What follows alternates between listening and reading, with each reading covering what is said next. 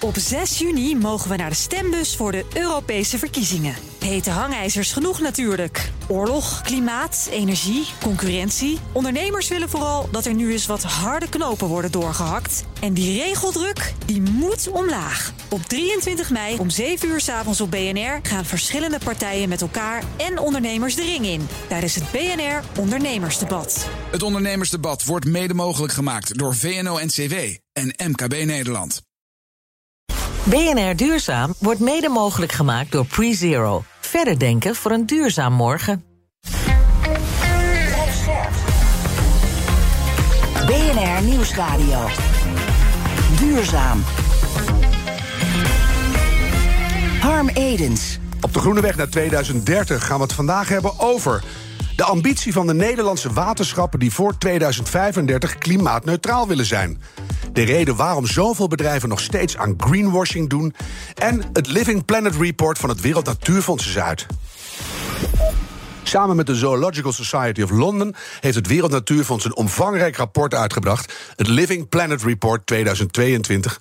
De meest uitgebreide database over de toestand van de biodiversiteit in de wereld. De conclusies zijn angstaanjagend. Tussen 1970 en 2018 zijn de populaties wilde dieren met gemiddeld 69% achteruit gegaan. 69%. 32.000 populaties zijn bekeken, waaronder ruim 5.000 soorten zoogdieren, vogels, amfibieën, reptielen en vissen. In de tropen gaat het echt om instortende groepen van soortgenoten, met een daling van ruim 90% gemiddeld. Op onze hele planeet krijgen zoetwatersoorten de grootste klap, een gemiddelde daling wereldwijd van 83%. Misschien moeten we de naam van het rapport maar veranderen in Dying Planet Report. Hoeveel erger moet het nog worden voor wereldleiders ingrijpen? Als het nog heel even zo doorgaat, is het te laat. Ik ben Harm Edens, dit is BNR Duurzaam. En ons groene geweten is deze keer Yvette Watson van de To Be Collective.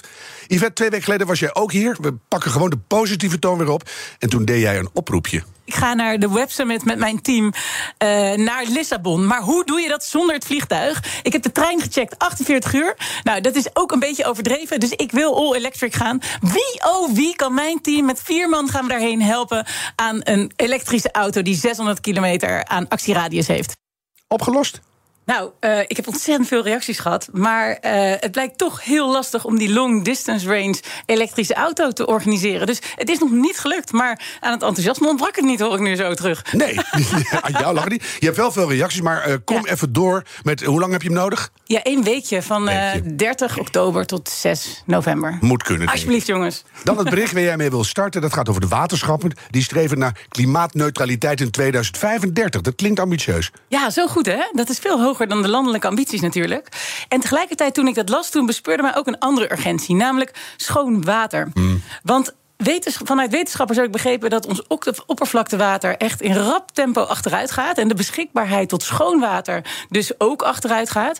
En ja, water hebben we voor alles nodig wat we doen. En het kan niet meer zomaar bij ontstaan. Weet je, water, dat kunnen we niet bijmaken. Dus nee. dat is een groot probleem. Dat is met name ook de, de piekbelasting. Want ik geloof dat in de Rijn op topdagen... in drie dagen tijd al het water nodig uh, uh, binnenkomt... wat we in een jaar nodig hebben. Maar het gaat erom, ja. wanneer hebben we het en wat doen we ermee? Want van de 200 liter die we elke dag gebruiken... drinken we er twee op. De rest is allemaal voor andere dingen. Dus hoe gaan we het oplossen? Dat klinkt toch ongelooflijk dom, Harm? Mm -hmm. ja, ja, hoe gaan we het oplossen? Nou, dat is denk ik een... een, een uh, ik denk dat we echt drastisch minder moeten verspillen. En we hebben het even nagerekend. Want 1 liter leidingwater kost nu iets minder dan een halve eurocent. En als je dat even berekent naar 200 tot... dat is 200, 400 keer goedkoper dan water in de flessen die je koopt. Wat we natuurlijk ook helemaal niet moeten willen. Want daar komt weer heel veel materiaal bij kijken. Maar als je dus per dag 100 liter leidingwater gebruikt, dan kost dat maar 50 cent. Ja. Dat kan toch niet? Dan betekent dat water geen waarde heeft. Nou, daar, ik en zou... grootverbruikers krijgen korting. Ja, nou, dat, ja. nou, inderdaad. En ik zou zo graag willen dat de waterschappen naast dit stevige standpunt van klimaatneutraal in 2030 ook hier gewoon keihard een standpunt op gaan innemen en ons gaan voorlichten. En we hebben gemerkt hè, bij gas, als we, als we het echt niet hebben, kunnen we heel snel besparen. En als het heel duur wordt ook. Ja, nou ja, dat duur is voor heel veel mensen niet zo handig, maar uh, nee, we gaan er zuinig mee om. Yvette, dankjewel. Jij blijft de hele uitzending aan tafel. En ik zou zeggen, bemoei je ermee. BNR Duurzaam. Aan het grote publiek vertellen dat je heel groen bezig bent... terwijl je ondertussen gewoon doorgaat met het verwoesten van de planeet. Blijkt voor heel veel bedrijven een efficiënte strategie... om de omzet verder op te pompen. Schandalig en immoreel, zou ik denken. Willemijn van Dolen is hoogleraar marketing aan de Universiteit van Amsterdam... en die weet er alles van. Willemijn, uh, een definitie van greenwashing is er. We weten allemaal zo'n beetje wat het is, maar kan jij het omschrijven? Ja, nou in die zin moet ik je teleurstellen, want de geleerden zijn het er niet over eens. Ik heb wel voor deze uitzending het meest recente paper erbij gepakt. Van Mhm. hoe wordt het nu dan gedefinieerd op dit moment? En deze auteurs hadden alle definities bij elkaar eh, geraapt. En eigenlijk kwamen zij tot de conclusie: het is een soort overkoepelende term voor misleidende communicatie en praktijken die bedoeld of onbedoeld leiden tot een vals positieve perceptie, waarneming, indruk van wat ze doen op het gebied van klimaat en milieu. Ja, dat is heel breed, hè? Ja, dat is heel breed. ja. Want dat denk ik meteen. Als er niks wettelijk is vastgelegd, dan kan je eigenlijk blijven roepen wat je wil. Wij zijn duurzaam, we zijn klimaatneutraal. We zijn op weg, vind ik ook een mooie, naar planetproof. Mhm. We zijn toch allemaal op weg naar planetproof? Ja, dat klopt. En dat is natuurlijk ook een van de problemen. Daar zie ik overigens wel de meeste verandering komen. Dus er komt nu zowel vanuit eh, de eh, Autoriteit Consument en Markt, ACM... die zijn nu met duurzaamheid claims gekomen... maar ook met een handreiking van waar moet het dan eigenlijk aan voldoen. En als Mhm. je daar niet aan voldoen... dan beginnen ze ook nu echt toezicht te houden. Maar Heeft dat een juridische status van die ACM? Die of is kunnen, dat... Hm. die kunnen wel boetes uitdelen. Dus recent zijn Decathlon en H&M... eh, en dat heeft ook de pers uiteindelijk gehaald... Ja. eh, eh, op aangesproken dat die hadden volgens mij ecodesign en kansjes. En dat is te onduidelijk. Dat is een vaag begrip. En de ACM heeft ze daarop aangesproken. En vervolgens hebben zij ook gezegd, ook H&M wereldwijd... dat gaan we niet meer gebruiken, die term. Kijk. En daarnaast is er op EU-niveau ook wetgeving in de maak. Nou, ik ben geen jurist, dus ik weet niet de details. Maar deze ontwikkelingen gaan zeker wel helpen. Want dan wordt het gewoon ook gevaarlijker Ja. om dit soort dingen te doen. Het staat op de kaart eindelijk, hè? Het staat op de kaart. En een ja. voorbeeld wat mij de hele tijd frappeert. Shell zegt klimaatneutraal te willen worden. Ze koketteren ook heel erg met al hun duurzame initiatieven. Hè. Mhm. Er staat weer een directeur bij een waterstoffabriek in aanbouw. Nog niks te zien. En dat tegelijkertijd investeren ze meer dan 80% in olie en gas. Ja. Ik denk dat is ook greenwashing. Nou ja, als je kijkt, voor Shell wordt natuurlijk vaak bekeken, ook in wetenschappelijke studies. En daar zie je eigenlijk eh, twee benaderingen. Sommigen kijken heel erg naar de claims die ze doen, gewoon zeer concreet in reclames. Nou, daar heeft de reclamecodecommissie ook van een aantal gezegd: dat mag niet, dat is misleiding. En de andere vorm van, van greenwashing, ook waar wetenschappers naar kijken, van wat doen ze eigenlijk? Aan de ene kant hebben ze een groen, en dat noemen wij discours, dus een verhaal. van Verhaal, groen. ja. Mhm. En terwijl misschien in de praktijk hun businessstrategie en hun investeringen niet zo groen zijn. En deze wetenschappers kwamen inderdaad tot de conclusie dat het dus meer naar buiten gaat van dat ze groener zijn. Maar als je kijkt wat er daadwerkelijk gebeurt, is er eigenlijk een mismatch. Dus het is op zich natuurlijk niet gek dat bedrijven ook laten zien wat ze doen op het groene vlak. Dat is prima. Ja. Maar je moet het wel in balans houden met hoe je ook echt opereert. En dat is misschien nog net niet strafbaar, maar het is wel laakbaar. En in ieder geval goed dat wij er dan zijn, zou ik Nou, zeggen. ja, het is zeker goed als de pers. Ja. Yvette, heb jij nog eens een eh, stevig staaltje greenwashing? Nou ja, wat mij wel opviel was het bericht over dat Coca-Cola de grote sponsor van de klimaattop eh, COP27 gaat worden. Ja. Ja. Ja, en ehm, dat lijkt ook wel als grootste plastic vervuiler op deze aarde. Eh, ja, ruikt dat bij mij ook wel naar greenwashing. Maar ik weet niet hoe jij daarover denkt, Willemijn. Nou, ik begrijp er. Je, je bent niet de enige die zo heeft gereageerd. Je zag het eh, eigenlijk verschillende groepen. Burgers, consumenten, eh, ehm, Greenpeace. Heel veel mensen hebben hiervoor over aan de bel getrokken. Ik kijk er aan naar als marketingwetenschapper. En eigenlijk is het zowel vanuit het perspectief van Coca-Cola best opvallend. Want die hadden natuurlijk een positieve merkassociatie willen hebben met het klimaat. Ja. Het resultaat is dat ze eigenlijk in eerste instantie vooral negatief in het nieuws kwamen. Maar ze hebben een supergoeie groene innovatie. Want het dopje blijft nu aan de fles vastzitten. We zijn gered. Ja, nou, dat, dat, dat is dus niet zo. Dus het, is, dat is, het is overigens niet zo dat ze helemaal niets doen. Nee. En eh, dus je kunt kijken van eh, welk. En dat is dus altijd lastig met die term greenwashing. Heel vaak is het makkelijker als er een specifieke claim is die gecheckt kan worden. Ja. Terwijl hier wordt de associatie gecreëerd alleen maar met groen. En dat is gewoon niet duidelijk. En daarvan zie je over het algemeen wel dat de, dat de tendens nu wordt van wees veel concreter met wat je wel doet en ook wat je gewoon nog niet doet. Maar eerlijk gezegd, ook vanuit COP27 2020 kan er schade komen, Mhm. Ja. omdat ze misschien minder als geloofwaardig worden ervaren. Je bent al een beetje gecompromitteerd, zou je zeggen. ja, Dus, dus het is in, in die zin op zich een best gewaagde eh, eh, partnership. Ja. Of als je een, een hele goede groene discours hebt, geef in ieder geval een eindtijd. 2035 zijn wij neutraal en circulair, noem maar wat. Nou ja. Dan mag je lullen wat je wil, wat mij betreft. Maar dan weet je in ieder geval waar het heen moet. Ik vind dat er een dikke claim onder moet liggen. En dan niet alleen maar, we gaan als Coca-Cola gaan we ons gebouw verduurzamen. Maar we gaan echt onze koers wijzigen. Ja. En als dat eraan ten grondslag ligt, dan denk ik dat we het veel serieuzer kunnen nemen. Maar als er geen koerswijziging plaatsvindt. Dan geloof je het eigenlijk Zoals niet. bij Shell, ja, dan moeten we echt onze oren gespitst hebben. Ja, en dat is ook interessant, dat die wetenschappers zeiden het ook. Er worden veel meer wat ze noemen pledges gemaakt, beloftes... Mhm. Ja. dan dat er echt in acties wordt gecommuniceerd. Terwijl Ja. dat zou veel meer helpen. En meetbare resultaten. Ja, maar Ja, dat ook. Maar dan wordt het moet je Dan wordt het ook afgerekend worden. Ja. Bij Harvard zijn ze er ook ingedoken, vond ik mooi. Three Shades of Greenwashing. Ja. Die hebben de social media posts van oliebedrijven, automerken en vliegtuigmaatschappijen geanalyseerd. Dan heb je Mhm. er wel drie eh, flinke kanjes te pakken. Wat kwam daar uit, Willemijn? Nou, ik moet erbij zeggen, het is een pilot study. Hij was net uit, dus ik dacht ik neem hem toch mee naar deze leuk. Uitzending. ja, ja, want dat is gewoon echt goed om. eh, en, en het was interessant. Zij hebben hem opnieuw weer breed gedefinieerd. Greenwashing. Dus zij hebben eigenlijk talking green, acting dirty. Dat is het idee. Mhm. En wat zij vonden, en dat is echt interessant. Aan de ene kant eigenlijk hetzelfde wat ik net vertelde. Er wordt heel veel gefocust op groene innovatie. Eigenlijk veel meer dan op de business as usual. En dat zou eigenlijk in verhouding moeten zijn met wat je ook echt doet. Ja. Maar zij noemden ook nog misdirection. En daar gaat het om dat je bijvoorbeeld als bedrijf je eh, eh, begeeft op het gebied van sportsponsoring. Maar dat leidt af. En eh, ook interessant, een ander eh, wetenschappelijke studie toont ook aan dat consumenten dat minder prettig vinden in, in termen van sales. Dus die kopen echt minder bij een bedrijf die niet bezig is met het compenseren of corrigeren van hun eigen Core mess, business, ja. Van hun eigen core Ja, business. ja. En die eindigen ook echt met de conclusie: first clean up your own mess. Voordat je cultivating eh eh, CSR gaat doen. En dat is eigenlijk het creëren van goodwill door middel van sport. De laatste die zij noemde in dit onderzoek was nature rinsing. Vind ik ook interessant. Zij, Mhm. zij concludeerden deze onderzoekers dat eh, heel veel gebruiken groene plaatjes. Want dit was dus op sociale media. Ze keken naar tekst, maar ook naar beeld. En die groene plaatjes leiden ook af. Al die auto's rijden door de prachtigste natuur. Ik denk, Ja. nou, niet zo lang meer als dan jullie ligt. Dus ja, Ja. het zijn allemaal flauwekul dingen eigenlijk, hè?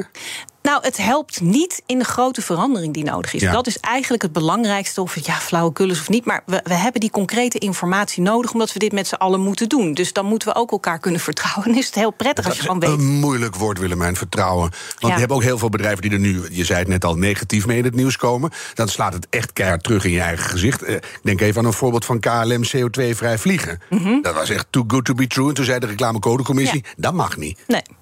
Wat, wat zeg jij dan? Eh, nou, ik ben het eens met de reclamecodecommissie. Maar me- merk je daaruit dat consumenten echt bewuster worden? Nou, wat eigenlijk is deze studie. Oh, dit is natuurlijk ook onderzocht. Ja, voor ons is het allemaal heerlijk wetenschappelijk materiaal. Dus ook de Flying Responsibly, een campagne is bekeken. En daar is een, ja, een klein onderzoek in Duitsland notabene over gedaan. En daar zagen ze wat er eigenlijk gebeurt. Is zelfs degene die eh, eh, hier echt mee bezig is, raakt wel van, ehm, ja, dat noemen ze eh, moral disengagement. Dus ondanks dat je dan de goede voornemens hebt, Ja. sowieso de advertenties zelf, de gewone reclames, leiden je dan al af. Want dan denk je, ja, iedereen doet het zo. Toch wel lekker, hè? even discover your smile, gaan we toch even doen. Precies. Ja. Maar ook de Responsibly-campagnes zorgen ervoor dat ze veel meer de schuld leggen bij het bedrijf. Wat op zich eh, misschien ook zo is. Maar er, het doet er uiteindelijk. Of zorgt het er ook voor dat ze zelf toch gaan vliegen. Ja. Dat Dus is ook ja. een beetje cognitieve dissonantie. Absoluut. Dus even een beetje wegkijken nog zolang het kan. Denk jij dat het bedrijven afschrikt, die vet? Dat ze denken van, het mag niet meer, er wordt op ons gelet. Want die vliegtuigen van KLM zitten weer boordevol ondertussen. Nou, ik mag hopen dat het een soort van eh, positieve stimulans gaat geven om veel meer op de prestatie hun claims te gaan leggen. En niet zozeer op het idee of op een gevoel wat ze willen neerleggen. Ik hoop ik echt dat het een ontwikkeling brengt. En ik geloof ook dat we. Ik geloof ook heel erg in power of the crowd. Dus wij als consumenten moeten ook gewoon nog veel gespinster gaan zijn op wat wordt er nou eigenlijk gezegd? Wat betekent dat keurmerk nou precies? Want als wij met elkaar dat gewoon de markt gaan uitdrijven. En ik geloof er echt wel in dat we dat kunnen. En andersom ook, hè? neem ons eindelijk eens serieus. Ja, nou, Nou, op met die flauwekul. Ik trap er al jaren niet meer in, maar het kost wel een bak werk. Doe dat even voor mij. Maar we mogen alert zijn met elkaar. Ik vind dat we dat aan elkaar verplicht zijn. BNR Nieuwsradio. Duurzaam. Harm Edens. Het is een term die in dit programma regelmatig voorbij komt. En wij vonden het hoog tijd om daar eens een hele aflevering aan te wijden. Greenwashing dus. Te gast is Willemijn van Dolen. Ze is hoogleraar marketing aan de Universiteit van Amsterdam. En Yvette Watson, u hoorde het al, is ons groene geweten. Willemijn, de, de ACM kwam al eerder te sprake. Nieuwe regels zijn er opgesteld over de duurzaamheidsclaims die een merk mag doen. Weet jij een beetje welke dat zijn? Ja, ze hebben eigenlijk vijf vuistregels opgeschreven. Uh, maak duidelijk welk duurzaamheidsvoordeel het product heeft. Ja. Onderbouw de duurzaamheidsclaim met feiten en hou ze actueel. Vergelijking met andere producten, diensten en bedrijven moet eerlijk zijn. Hmm. Wees eerlijk en concreet over de duurzaamheidsinspanningen van uw bedrijf. Eigenlijk wat jij ook net zei. En zorg dat de visuele claims en keurmerken behulpzaam zijn voor consumenten. Oh ja. En niet verwarrend. Ja, oh, nog een keurmerkje erbij waarvan je denkt, nou geloof je het zelf. Weet je, werkt allemaal niet. Maar het, is, het staat vrij veel. Eh, Vertrouwen noemden we net al, eerlijk, eh, het moet kloppen. Ja, dan, dan langzamerhand zou je eh, drijven richting dat die bedrijven ook echt daadwerkelijk de intrinsieke urgentie voelen om te gaan veranderen. Zit dat een beetje in het verlengde daarvan? Ja, nou, ze zullen natuurlijk wel gaan veranderen. Maar eigenlijk wat je nu zegt bij de ACM... Is, betekent natuurlijk eigenlijk dat er regulering komt en toezicht. En daarom komen ze in beweging. Maar ook goed. Ja. En eh, ze geven in deze eh, claims, ook in dit handboek... hele duidelijke voorbeelden. Van bijvoorbeeld, je kunt zeggen dat deze wasmachine is eh, duurzaam.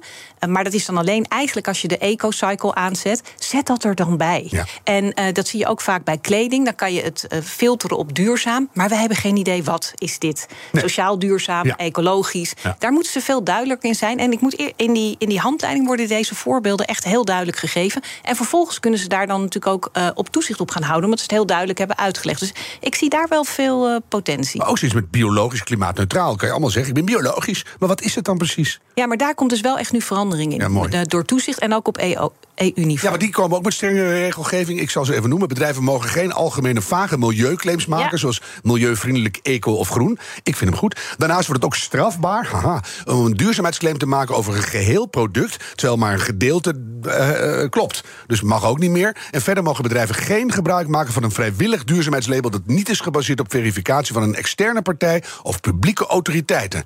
Gaat het helpen, denk je, Yvette? Ehm, nou, ik hoop het eigenlijk wel. Wat mij betreft eh, mogen we hier best wat harder reguleren en gewoon een lijn stellen. Om ook de consumenten eigenlijk te beschermen en met elkaar ja, de, het maatschappelijk gevaar wat er op ons afkomt, eh, met elkaar te gaan fixen. Ja. Dus ja, En dat we gaan versnellen, Willemijn. Ehm, kunnen burgers zelf iets doen? We noemden het net al een beetje, let goed op. Maar heb jij nog... Ja, ik ben het met tips? Yvette eens. Kijk, je, je moet natuurlijk alert zijn. Aan de andere kant vind ik ook heel goed wat jij net benoemde. Je kan er bijna een hele studie van maken. Soms zakt bijna de moed in je schoenen hoeveel uren je eigenlijk nodig hebt. Dus ik vind dat dat echt vanuit de bedrijfskant echt duidelijker moet worden. Dus ja, je moet alert zijn. Ehm, maar bedrijven moeten echt. En, en ook al is het geen greenwashing, maar bijvoorbeeld CO2-neutraal of CO2-compensatie versus CO2-reductie, vinden mensen gewoon heel lastig. Misschien is het niet eens greenwashing, maar je zult gewoon dingen veel duidelijker moeten uitleggen. van dit doen we en dat levert het op. Ja, en dan kan je op zich ook tegen consumenten zeggen: Nou, moet je je, eh, weet je, een act, eh, eh, inderdaad wat jij zegt. Maar dit is nu nog wel heel lastig hoor. Ja. Nou zitten we Ja, thuis te luisteren. hè, En dan denk je van, we hebben een soort eh, groene antenne nodig. Heb jij nou één of twee tips voor groene antennes die jij zelf gebruikt? Je denkt, oh, dan weet ik, eh, hier gaat een alarmbel af. Nou ja, ik ben sowieso best eh, alert. Dus ik zou eh, niet naïef zijn als consument. Dus controleer, als, zeker voor de producten waarvan je weet dat die een, een grote footprint hebben. Mm. Daarvan is het echt wel waard om daar wat, wat langer over na te denken en, en een goede studie te Als doen. je een elektrische auto koopt, moet die niet in China gemaakt zijn, hè? Nou, je moet gewoon goed kijken van wat is dan uiteindelijk de impact. Daar is best veel over. En dan kan je uiteindelijk een, een bewuste keuze zelf maken. Ja. Dus dan, dan kan je je afweging maken. Dat, dat vind ik eigenlijk de belangrijkste tip. Dus het is inderdaad superveel. Veel te veel om overal Maar kijk naar die dingen. Zoals eh, eh, vliegvakanties hebben natuurlijk een impact. eh auto-aanschaf. Kijk daarnaar en stop daar veel tijd in. Want daar maak je de meeste impact. Vind ik een mooie. En voor je gewone leven past het een beetje in in alles wat je kiest en doet. Kan jij nou uiteindelijk vanuit al je studie en dit, na dit hele diepgaande gesprek zeggen... greenwashing is totaal verwerpelijk? Ehm, Hoor ik daar een ja?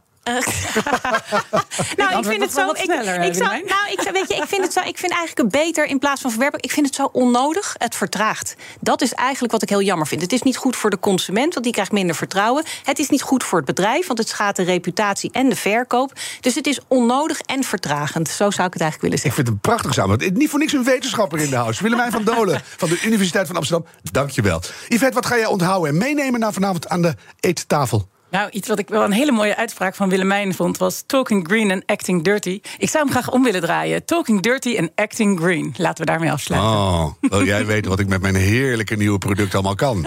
Zal ik jou dat eens even laten zien? Ja, dat hoe zou duurzaam mooi ik zijn. daarmee kan zijn. Hey, en als je dan dat busje hebt en je gaat naar Portugal, wat ga je daar dan doen? Want dat helpt misschien nog om mensen ja te laten zeggen. Ja, we zijn een, eh, een impact scale-up. Dus we, we hebben een gamified leerplatform om hele grote groepen mensen te laten zien hoe zij zelf kunnen leren, maar dan ook actief eh, hun gedrag kunnen veranderen voor een duurzame wereld van morgen. Zowel thuis, maar ook vooral. Iedereen als expert van zijn eigen werk. Hoe ga ik nou bijdragen aan die duur, duurzaamheidsdoelstellingen? Nou, en dat gaan we schalen en dat gaan we presenteren bij Web Summit. Dus je hebt dat busje nodig. Echt, Geef Yvette absoluut een busje. Yvette Watson van de To Be Collective. Dankjewel. En wat neem ik mee? Het, het vertraagt. En dat willen we niet. Dankjewel, Willemijn. Dit was BNR Duurzaam. De groene weg naar 2030. Laten we die met z'n allen nemen. En een beetje doorlopen graag. De tijd van treuzelen is voorbij.